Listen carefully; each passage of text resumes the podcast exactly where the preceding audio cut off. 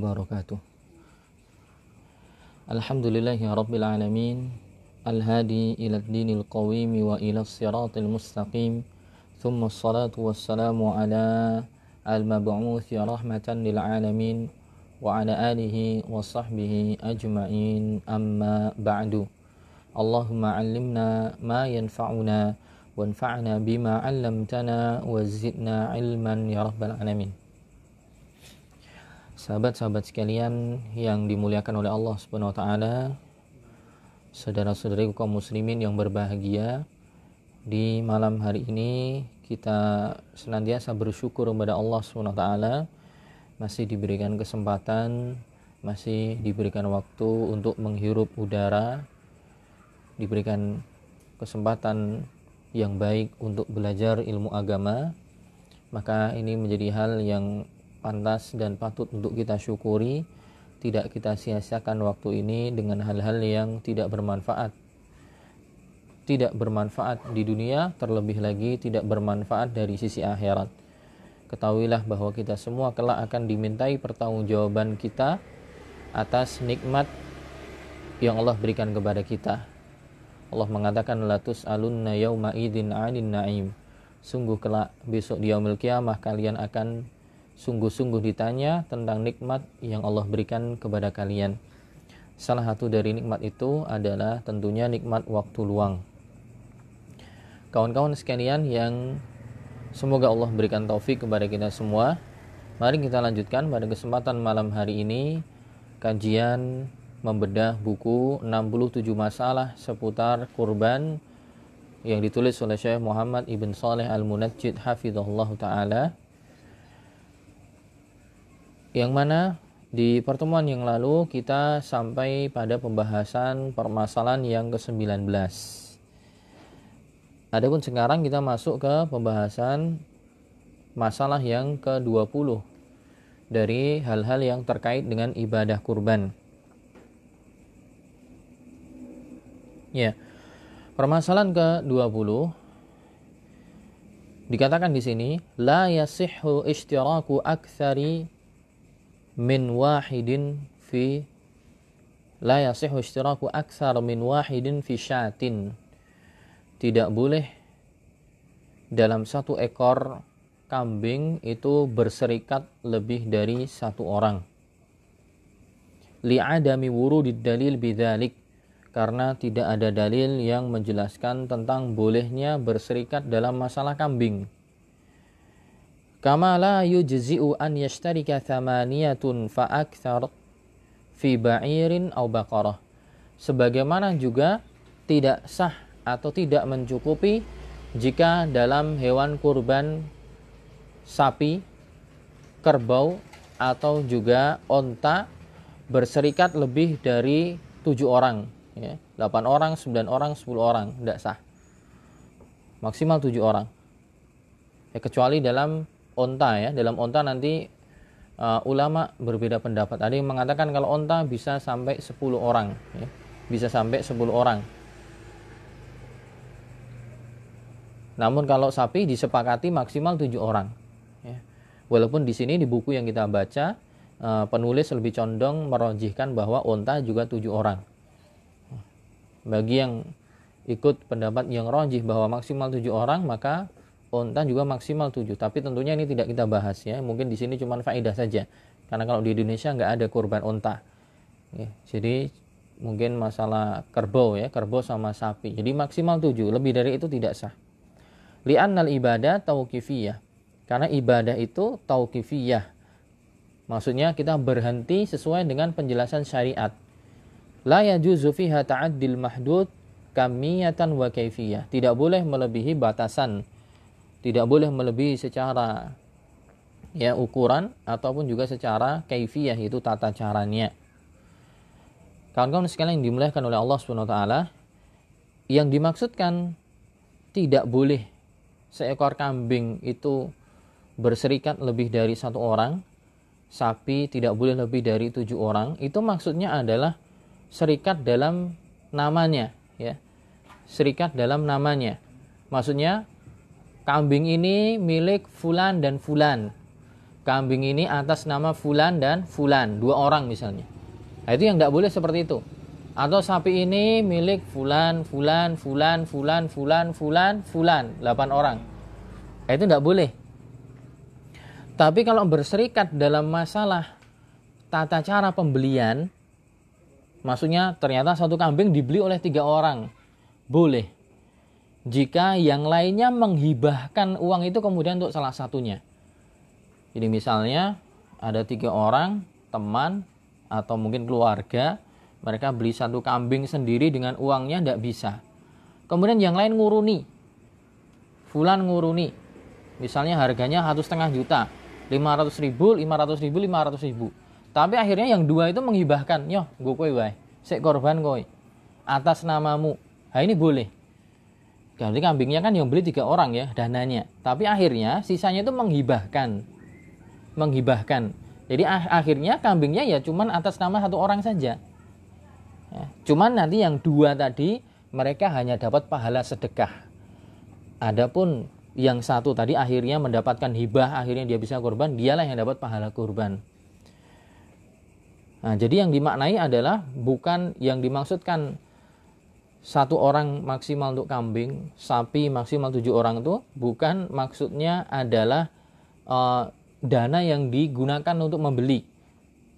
Tapi maksimal tujuh orang untuk sapi itu adalah atas nama orangnya itu maksimal tujuh orang nanti yang akan mendapatkan ganjaran korban tersebut.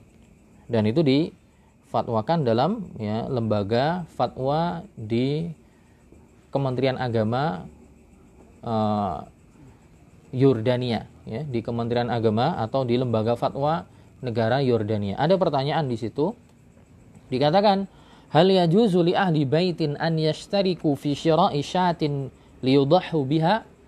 Apakah dibolehkan bagi anggota keluarga untuk berserikat beli beli kambing kemudian mereka berkurban dengannya? Dijawab, asyatu la yasihhu al-ishtiraku fiha. Kambing itu tidak boleh berserikat di dalamnya alias cuman untuk satu orang saja satu nama. Walakin yajuzu uthamanaha. Tetapi di keluarga tersebut boleh untuk mengumpulkan dananya untuk beli. Wa yahabuhu li ahadihim liyudahi. Kemudian dikasihkan untuk satu orang siapa yang mau atas nama siapa si Bah misalnya. Bah niki korban atas nama jenengan, Bah Pawiro misalnya. Boleh.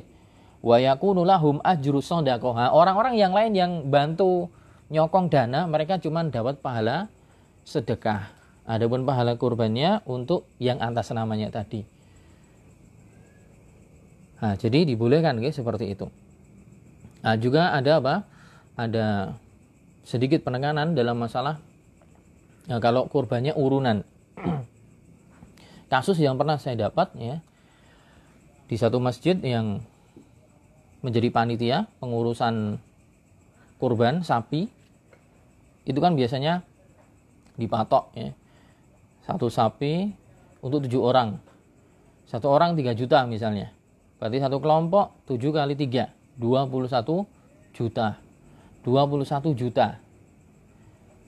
Ternyata ada empat kelompok ya. 21 juta 21 21 21 tapi kan akhirnya prakteknya di lapangan mereka nanti biasanya tidak menumpangkan sapi dengan harga yang sama. Eh ternyata ada sapi yang harganya nggak 21 21 setengah misalnya atau 22 yang lain ada yang harga 19 yang lain ada yang harga 19 setengah yang lain ada yang 18 nah ini tidak boleh subsidi silang. Oke. ada sebagian apa namanya panitia yang modelnya subsidi silang karena urunannya sama akhirnya kemudian uh, kelompok ini karena sapinya oleh si larang dapat yang mahal 22 juta. Berarti kan kurang harusnya kelompok pertama kan? Nah, diambilkan dari harta yang kelompok lain. Ya. Tanpa sepengetahuan, tanpa keridoan. Ini tidak boleh. Ya. Bahkan nanti bisa dikatakan nanti jadi apa? Jadi korbannya kalau yang kelompok satu ditomboki dengan kelompok lain, ada kemungkinan yang korban nggak tujuh orang jadinya. Gimana? Jadi diambilkan dari dana yang lain, jadi nggak tujuh orang ya sedangkan kita juga nggak boleh ngambil harta orang lain Nabi SAW mengatakan la yahillu malu mri'in muslimin illa bi nafsin. Tidak halal harta seseorang muslim kecuali diberikan dengan keriduan hatinya. Ya. Jadi solusinya ketika mematok mematok patungan sapi satu kelompok itu 3 juta, 3 eh, juta per orang jadi 21 juta hendaknya cari sapi yang diharga di bawah 21 20 atau 19 atau 18 tidak ada masalah. Misalnya sisa kembalikan aja nanti setelah pelaksanaan. Oh ternyata kelompok satu kumpulnya uang 21 juta. Operasional 1 juta. Berarti apa budget untuk beli sapi 20 juta ternyata di pasaran yang harga 20 nggak ada adanya cuma harga 18 berarti sisa 2 juta. Ya udah nggak apa-apa beli yang itu selamat. 2 juta sisanya nanti dikembalikan kepada tujuh orang lagi gitu. Jadi bukan untuk nutup untuk kelompok yang lain ya. itu beberapa praktek yang keliru kadang di tengah masyarakat. Permasalahan ke-21 al afdalu minal adahi jinsan. Kurban yang paling afdol jenisnya apa? Kalau ba'dul ahli ilmi, sebagian ahli ilmi ulama mengatakan al afdol fi hal kabish. Sebagian ulama ada yang mengatakan bahwa yang paling afdol itu adalah kabish. Kabish itu domba, domba yang besar. Ya, kalau model kita domba Garut, oh, keker gagah itu. Itu namanya kabish. Al kabishu. Ya, itu yang paling afdol. Sebagian ulama mengatakan itu yang paling afdol. Kenapa? Karena Nabi korbannya dengan domba model model domba Garut kalau di kita. Nah, sebagai ulama bilang gitu. Tapi jumhur ulama, mayoritas ulama mengatakan yang afdol adalah onta. Baru setelahnya sapi. Indoh biha kamilah. Nah, tapi ada ada anunya, ada apa namanya? Ada ada pengikatnya. Jadi yang afdol pertama adalah onta, sapi, kemudian domba, indoh biha kamilah. Jika menyembelihnya sempurna dewean maksudnya. Satu orang sapi dewe gitu. Nah, itu baru afdal gitu. Summal ma'zu. Jadi onta sapi domba baru al ma'zu atau al ma'iz apa al ma'iz itu? Kambing kacangan. Kambing kacang itu kalau kita wedus Jawa. Wedus Jawa. Dalilnya apa? Bagi mayoritas ulama yang mengatakan bahwa uh, yang paling afdol adalah onta dulu. Dalilnya adalah hadis riwayat Bukhari tentang masalah sholat Jumat. Nabi bersabda, "Mandi salah yaumal jumu'ati ghuslal janabah." Barang siapa yang mandi di hari Jumat seperti mandi janabah, thumma raha faka'annama qarraba badanah. Kemudian setelah mandi dia pergi ke masjid. Dia pergi ke masjid di saat yang pertama, di waktu yang pertama. Maka orang ini dapat ganjaran seakan-akan menyembelih onta Wa man roha fis sa'ati thaniyah. Barang siapa yang pergi di jam yang kedua, faka'an nama korroba bakoroh. Seperti halnya dia mendapatkan ganjaran menyembelih seekor sapi. Barang siapa yang pergi di saat yang ketiga atau jam yang ketiga, dia seperti menyembelih seekor domba besar. Dan seterusnya sampai apa namanya? Sampai 5 ya. Jam pertama seperti dapat menyembelih onta, jam kedua seperti menyembelih sapi, jam ketiga seperti menyembelih domba, jam keempat seperti apa? Fakaan nama korroba dajajah. Yang keempat seperti menyembelih apa? Dajajah. Babon ya, ayam babon. Wa man raha fi sa'atil khamisah fa'kan nama korroba baydah. Barang siapa yang di jam terakhir ya sebelum khatib naik mimbar jadi jam kelima ini seperti apa? Seorang berkurban dengan uh, telur, ya, dengan sebutir telur. Nah, pertanyaan, faidah. Hitungan jamnya itu dari kapan? Jam pertama, jam kedua, jam ketiga, jam keempat. Dimaksud jam pertama itu kapan? Gitu. Syekh bin Bas menjelaskan, jam pertama itu dihitung dimulai ketika matahari sudah full naik sepenggalah. Sepenggalah itu setelah matahari full naik ditunggu sekitar 10 sampai 15 menit. Alias lebih enaknya kita katakan waktu sholat syuruk.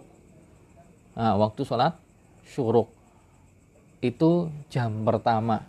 Nah, tinggal hitung aja. Dari waktu sholat syuruk tadi dihitung sampai nanti waktu duhur. Nah, dibagi lima. Dibagi lima. Berarti jam pertama intinya dari situ. Nah nanti tinggal pembagiannya berapa? Kedua ketiga keempat lima jadi yang dimaksud pengen seperti dapat ganjaran seperti orang yang berkorban onta itu ya mungkin sejak jam 7 itu udah di masjid nunggu jumatan gitu. Nunggu jumatan udah di masjid. Nah, kalau pengen apa? Dapat ganjaran yang seperti dijanjikan dalam hadis. Dia di masjid kemudian nanti di sana baca Quran dia apa namanya berzikir dan seterusnya. Nah itu jadi menurut jumhur yang afdol adalah onta sapi dan seterusnya Kemudian masalah ke-22, al-afdalu minal adhahi yang paling afdol dari hewan kurban adalah asmanuhu yang paling gemuk. Wa aktsaruhu lahman yang paling gemuk kemudian yang paling banyak dagingnya. Wa akmaluhu khilqatan dan yang paling sempurna fisiknya. Wow. Apa keker mantap kemudian tulak apa ada uh, apa namanya? tanduknya mantap wa ahsanuhu mangzoron. Dan dilihat itu nyenengke. Oh, masya Allah mantap nah, seperti domba-domba Garut itu dilihat mantap kalau Abu Umamah ibnu Sahal Abu Umamah bin Sahal mengatakan kunna nusamminul udhiyata bil Madinah wa kana al muslimuna yusamminuna. Dahulu kami menggemukkan hewan-hewan kurban di Madinah. Ya, dan dahulu kaum muslimin menggemukkannya di kompor Berarti ini menunjukkan mereka sudah punya siap-siap. Siap-siap punya apa? Punya korban dulu kemudian mereka gemukkan agar nanti ketika pas korban benar-benar maksimal dagingnya ya, kemudian beratnya. Dari Anas bin Malik juga disebutkan dalam hadis riwayat Bukhari bahwa kana yudahi Nabi SAW kana yudahi bikabsyaini amlahaini akronain. Dahulu Nabi SAW berkurban dengan dua domba besar yang amlahain. Amlahain itu dombanya warnanya putih campur hitam.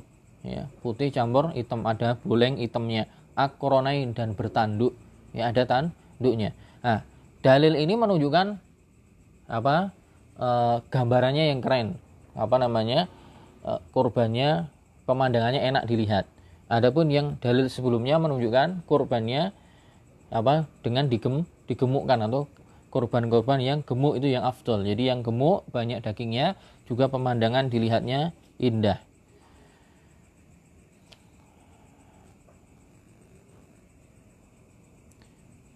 Nah, cuma nanti misalnya kita diberikan dihadapkan pilihan harganya sama, kambingnya tiga setengah juta, kambingnya sama misalnya tiga juta, tiga setengah juta. Yang satu nggak punya apa namanya tanduk tapi lemu ginuk-ginuk dagingnya banyak. Yang satu ada tanduknya tapi lebih kurus. Nah mana yang afdol? Yang afdol mana? Yang afdol adalah yang paling banyak dagingnya. Kenapa? Sisi manfaatnya lebih banyak. Ya.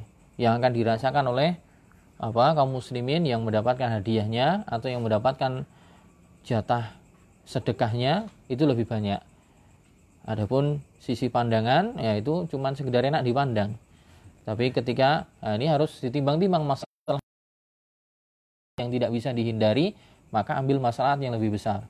Tentu masalah yang lebih besar adalah yang paling banyak dagingnya, karena nanti manfaatnya lebih luas. Yang satu apa bertanduk ketemu misalnya 10 kilo misalnya bersihnya. Yang tidak bertanduk bisa 15 kilo. Nah, 10 kilo mungkin bisa dibagi 10 orang, 15 kilo bisa 15 orang. Tentu manfaatnya lebih besar. Tapi kalau bisa digabungkan dua-duanya, gemuk plus bertanduk, ya ganjaran pahalanya lebih banyak. Ya ini cari yang afdol ya, cari yang afdol. Tapi tentunya setiap kondisi itu berbeda-beda. Ya. Kondisi orang lapang, punya kelapangan, harta, materi, mungkin cari yang seperti ini mudah. Tapi yang punya tabungan tapi mepet, ya ada banyak apa namanya, banyak solusi. Ya ada banyak solusi. Walaupun nanti sebagian akan dibahas, tapi sedikit kita sampaikan ya, walaupun mungkin di kesempatan yang lain mungkin sudah disampaikan walaupun walaupun belum secara lisan. Ya. Apa solusinya? Ya, cari apa namanya? kurban kambing tapi yang jenis domba. Umurnya yang minimal 6 bulan, masuk bulan ke-7 ya. Itu dibolehkan oleh para ulama disebutkan oleh oleh Alimah Nawawi, Ibnu Abdul Bar dan yang lainnya tidak ada khilaf di kalangan ulama tentang apa? Bolehnya berkurban dengan jaza'ah min do'an ya. Dengan jaza'ah min do'an. Jadi tidak ada khilaf berkurban dengan domba yang umurnya jaza'ah. Cuma nanti dalam penafsiran jaza'ah nanti ulama memang ada khilaf juga. Ada yang mengatakan dia satu tahun, ya jaza'ah itu satu tahun. Ada yang mengatakan enam bulan. Enam bulan sudah masuk ya sudah masuk. Enam bulan masuk bulan ke-7 itu sudah diperbolehkan. Jadi dulu kondisi seperti ini mungkin pandemi mungkin tabungan tidak sebanyak dulu ya tidak selonggar dulu. Jangan tinggalkan kesempatan waktu-waktu mulia ini. Dalam kaidah fikih dikatakan ma la yudraku kulluhu la barang siapa yang tidak bisa mendapati sesuatu dengan maksimal semuanya jangan tinggalkan semuanya ambil walaupun minimal Oh, jangan kemudian wah aku rasa korban wedus gede atau sapi, oh ya serasa korban disan. Jangan. Tetap korban, misalnya mampu dan punya keinginan. Ya. Karena uh, mayoritas ulama mengatakan korban itu sunnah muakkadah, tidak sampai derajat wajib. Jadi misalnya ditinggalkan pun nggak berdosa. Tapi bagi yang ingin ingin me, apa namanya berkesempatan menghidupkan syiar, nggak bisa yang gede, cari yang kecil, ya. Cari yang kecil ya. Yang umur 6 bulan masuk bulan ke 7 pengen lebih murah lagi cari yang betina. Jangan cari yang jantan. Umur 6 sasi rodok cempe tapi yang betina. Lebih murah lagi. Ya. pengen murah lagi cari yang bisa diutang ya. sebagaimana sebelumnya dibahas oleh Ibnu Taimiyah boleh untuk ngutang dengan syarat kemungkinan besar bisa nyaur. Kalau kemungkinan besar susah nyaur, memang tidak ada tanggungan bagi dia. Bisa ngutang kredit misalnya, boleh. Ya, itu afdol. Atau pengen enak lagi harganya turun, tidak dengan ngutang, belinya tanggal 13. Hijjah, akhir hari tasyrik. Murah-murah itu. Wes dua kukut dodolan wes bangane rapayu monggo Mas gitu. Jadi cari yang umur 6 bulan ya masuk bulan ke-7 kemudian yang betina belinya di akhir-akhir. Wis dua kukut mas tak tukuni wae. Kari-kari nana bakda asar di tanggal 13 tinggal waktunya sebentar lagi matahari tenggelam wis selesai waktunya.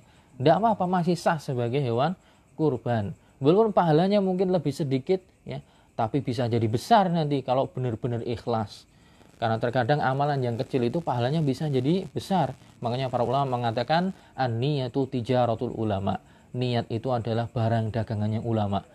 Terkadang ada amalan yang mungkin kecil bisa jadi besar gara-gara niatnya. Ya, jadi ada banyak solusi ya. Tetapi tentunya ini bukan perkara yang wajib ya karena para ulama mayoritas mengatakan sunnah muakkadah. Tapi bagi yang memang tidak mau menyia-nyiakan kesempatan ini ada solusi ya. Karena mau nggak mau sebentar lagi anaknya masuk sekolah, bayar sekolah juga ya. Tapi satu sisi dia nggak mau ketinggalan. Nah, cari yang solusi tadi. Kemudian permasalahan dua tiga la budda an tablugha udhiyah asinnal muhaddad laha syar'an. Nah, ini masalah umur ya masalah umur. Nah, ini nanti akan dijelaskan lagi. Hewan kurban harus mencapai umur yang ditentukan oleh syariat sebagaimana dalam hadis riwayat Muslim la tadbahu illa musinnatan Janganlah engkau menyembelih kecuali yang sudah musinnah. Musinnah itu yang sudah giginya ganti. Sinnun, untu, alias sudah poel. Illa an ya'sura alaikum. Kecuali kalian merasa kesulitan mendapatkannya. Fatadbahu jada'atan minad. Maka kalian boleh menyembelih jada'ah. Jada'ah itu sebenarnya adalah jenjang umur. ya Karena di di Arab itu hewan itu umurnya beda-beda ada namanya sendiri-sendiri. Ya seperti di kita sih kita ada cempe gitu kan namanya. Tapi di sana lebih komplit. Onta itu nanti ada yang namanya bintu makhot ada yang namanya bintu labun. Bintu labun itu ada bintu makhot itu adalah anak onta yang induknya sudah meteng lagi.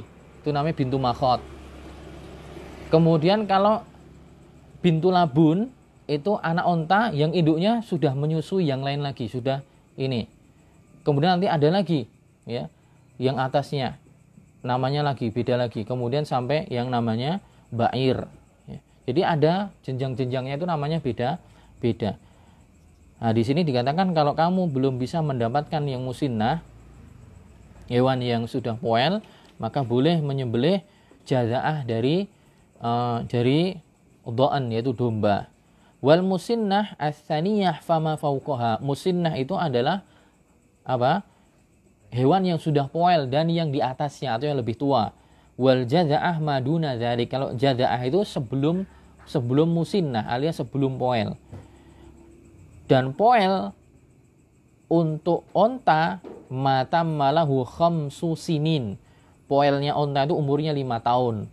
Lima tahun masuk tahun ke-6 jadi kalau mau cari onta di Roloko itu cari yang sudah umurnya 5 tahun. Masuk umur ke-6. Ini kalau onta. Wasani yuminal bakor. Adapun kalau poel untuk sapi itu yang umurnya 2 tahun. Masuk tahun ketiga. Ya, berarti sapi masuk di situ apa namanya? E, kerbau. Kerbau juga minimal 2 tahun masuk tahun ketiga. Wasani yuminal ma'zu atau al-ma'iz dan poel untuk kambing Jawa, kambing kacangan, mata mana husanah yang umurnya setahun masuk tahun kedua. Jadi kalau kambing yang biasa itu harus minimal satu tahun. Wal jaza'atu minaddo'an adapun ya kalau domba yang jaza'ah malahu sittah ashur yang umurnya enam bulan wadah sabi dan masuk bulan ketujuh. Seperti yang saya sampaikan tadi. Fal iltizamu bisin al-muqarrar syar'an ya memegang umur-umur yang sudah ditentukan oleh syariat ini dalam perkara kurban amrun wajib, perkara yang wajib. La tajuzu mukhalafatuhu bin naqsi anhu tidak boleh diselisihi. Wa tajuzu ziyadah alih. Tapi kalau ditambah boleh, kalau dikurangi tidak boleh. Berarti konsekuensinya apa? Kalau ada yang nyembelih kurban, sapinya umurnya baru satu setengah tahun nggak sah. Bukan kurban, jadinya sedekah biasa. Yang nyembelih kambing Jawa belum sampai satu tahun nggak sah ya. cuman sedekah biasa ya. kecuali kalau yang domba ya. bisa dibedakan ya domba itu yang gembel ya. gembel kalau yang al maiz itu yang apa kambing kacangan kambing Jawa dan yang sejenisnya Taib. Kemudian permasalahan ke-24, la budda an takunal udhiyah milkan lil mudahhi. Dalam masalah kurban ya kurbannya itu wajib sudah menjadi milik sahibul kurban. Milik sahibul kurban. Ya, jadi sudah jadi miliknya. Dan kepemilikan kurban atau hewan kurban ini bisa dengan banyak cara. Bisyara bisa beli ya. Entah beli cash atau beli apa kredit. Karena kredit itu walaupun belum lunas itu kepemilikan itu sudah berpindah ke pembeli. Ya. sudah berpindah ke pembeli. Jadi caranya dengan pembeli awil hibah atau pemberian. Pemberian sama seperti tadi loh urunan banyak orang ya kan? Kemudian dihibahkan ya. Nah, kadang kayak yang disampaikan Mas Eko kemarin grup-grup motor urunan untuk beli kambing nah kalau urunan grup motor banyak orang, urunan beli kambing, kalau kambingnya atas nama grup motor, nah itu tidak sah. Kenapa? Karena korban itu berkaitan dengan mukallaf, dengan manusia yang kena beban syariat. Grup motor itu bukan manusia, ya, bukan manusia.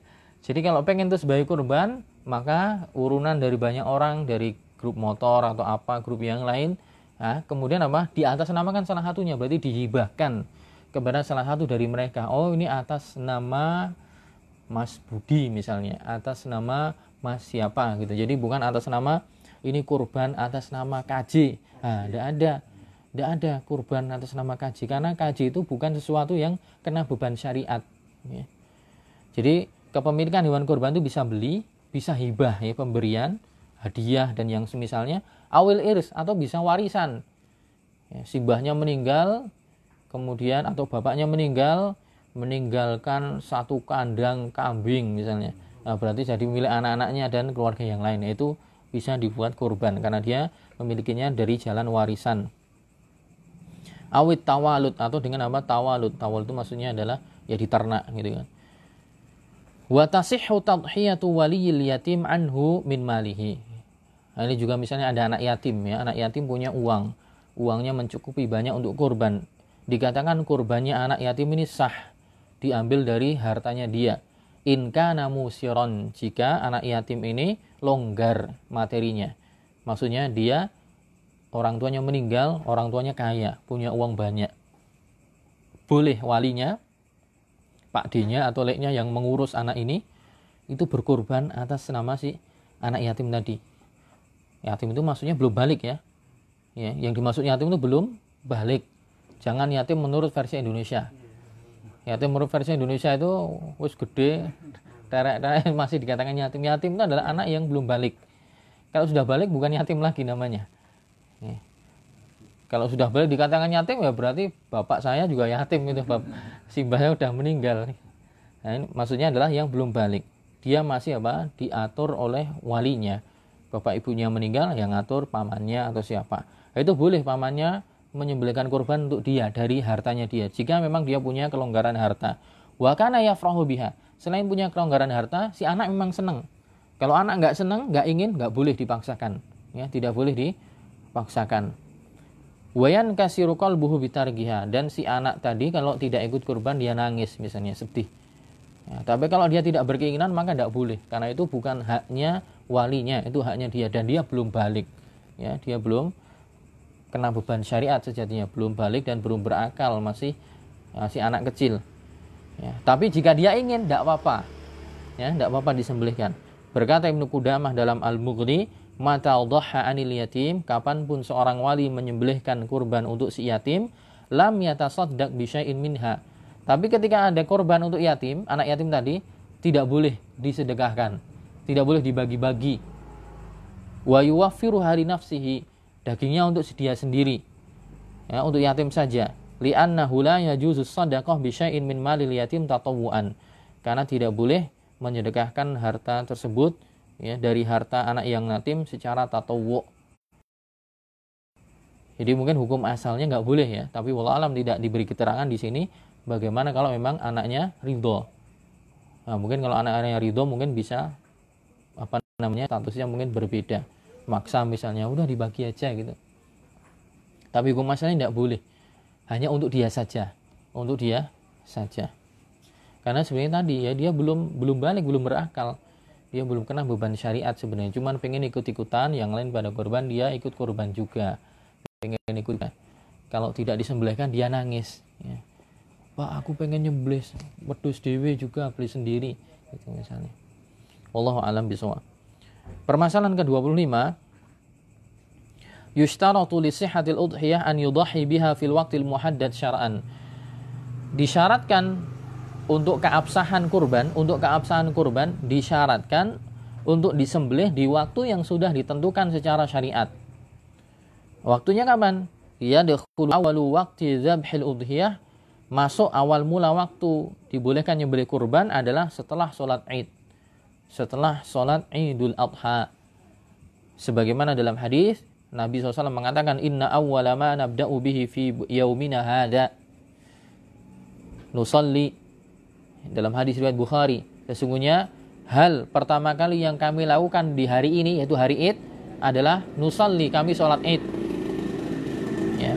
Summa narji'u fananhar. Setelah sholat id pulang kemudian beliau menyembelih faman fa'ala dzalika faqad asaba sunnatana.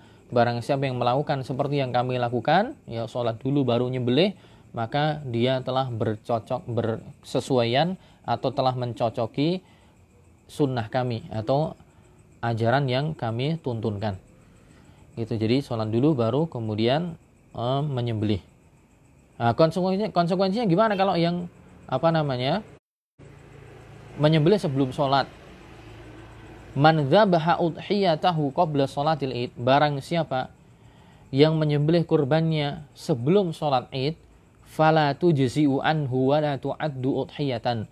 Itu tidak sah bagi dirinya dan tidak dianggap sebagai kurban. Berdasarkan sabda Nabi dalam hadis riwayat Bukhari, "Wa man nahara qabla sholati fa innama huwa lahmun qaddamahu li ahli." barang siapa yang menyembelih nah nahar itu sebenarnya adalah nyembelih untuk versi onta ya.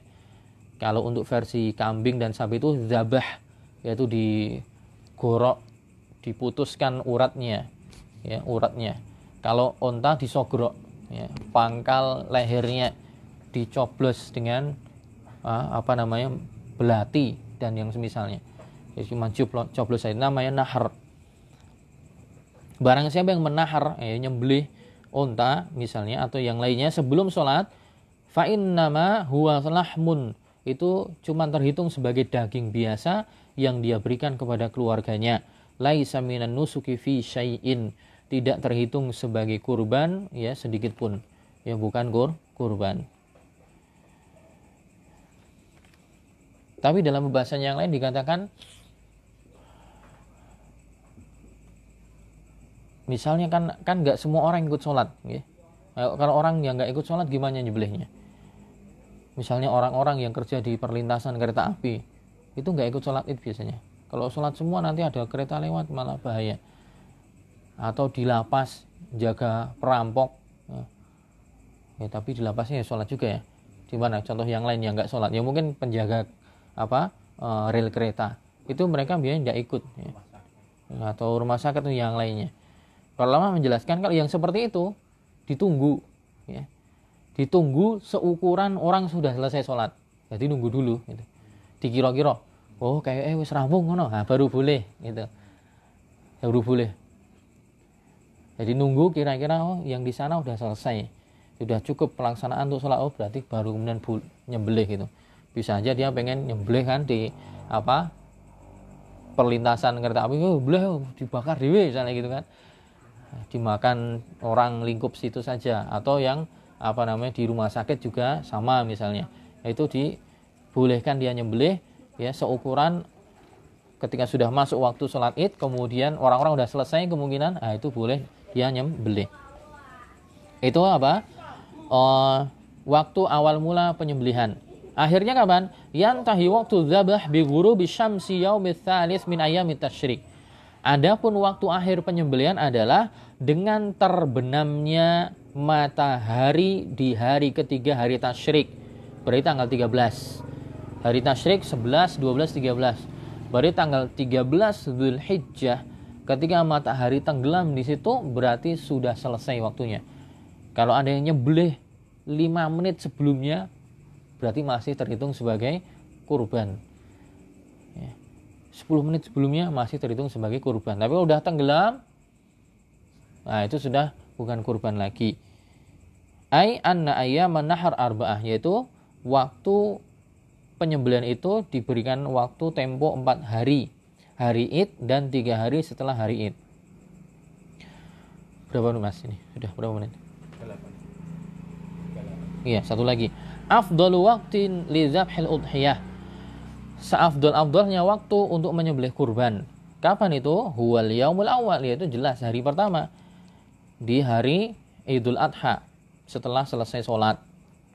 Wa kullu yaumin afdalu mimma yalih. Dan setiap hari lebih afdol dari yang lain. Maksudnya, semakin dekat ya id kemudian hari besoknya hari besoknya hari besoknya semakin jelek jadi paling afdol hari id tanggal 11 tanggal 12 Nah, itu paling afdol daripada tanggal 13. Di semakin cepat dilakukan, maka semakin baik. Kenapa? Lima fihi minal mubadarah ila fi'lil khair. Karena semakin cepat melaksanakan itu semakin kita dikatakan sebagai orang yang bersegera untuk menuju kebaikan. Padahal dan Allah mengatakan apa namanya? Fasta bikul khairat. Berlomba-lombalah kalian dalam kebaikan. Ya, disuruh berlomba-lomba cepat-cepatan wal aslam an la yuakhiraha ilal yaumir rabi dan yang lebih selamat memang jangan sampai diakhirkan sampai hari keempat. Itu maksudnya jangan diakhirkan sampai tanggal 4 tanggal 13 Zulhijjah.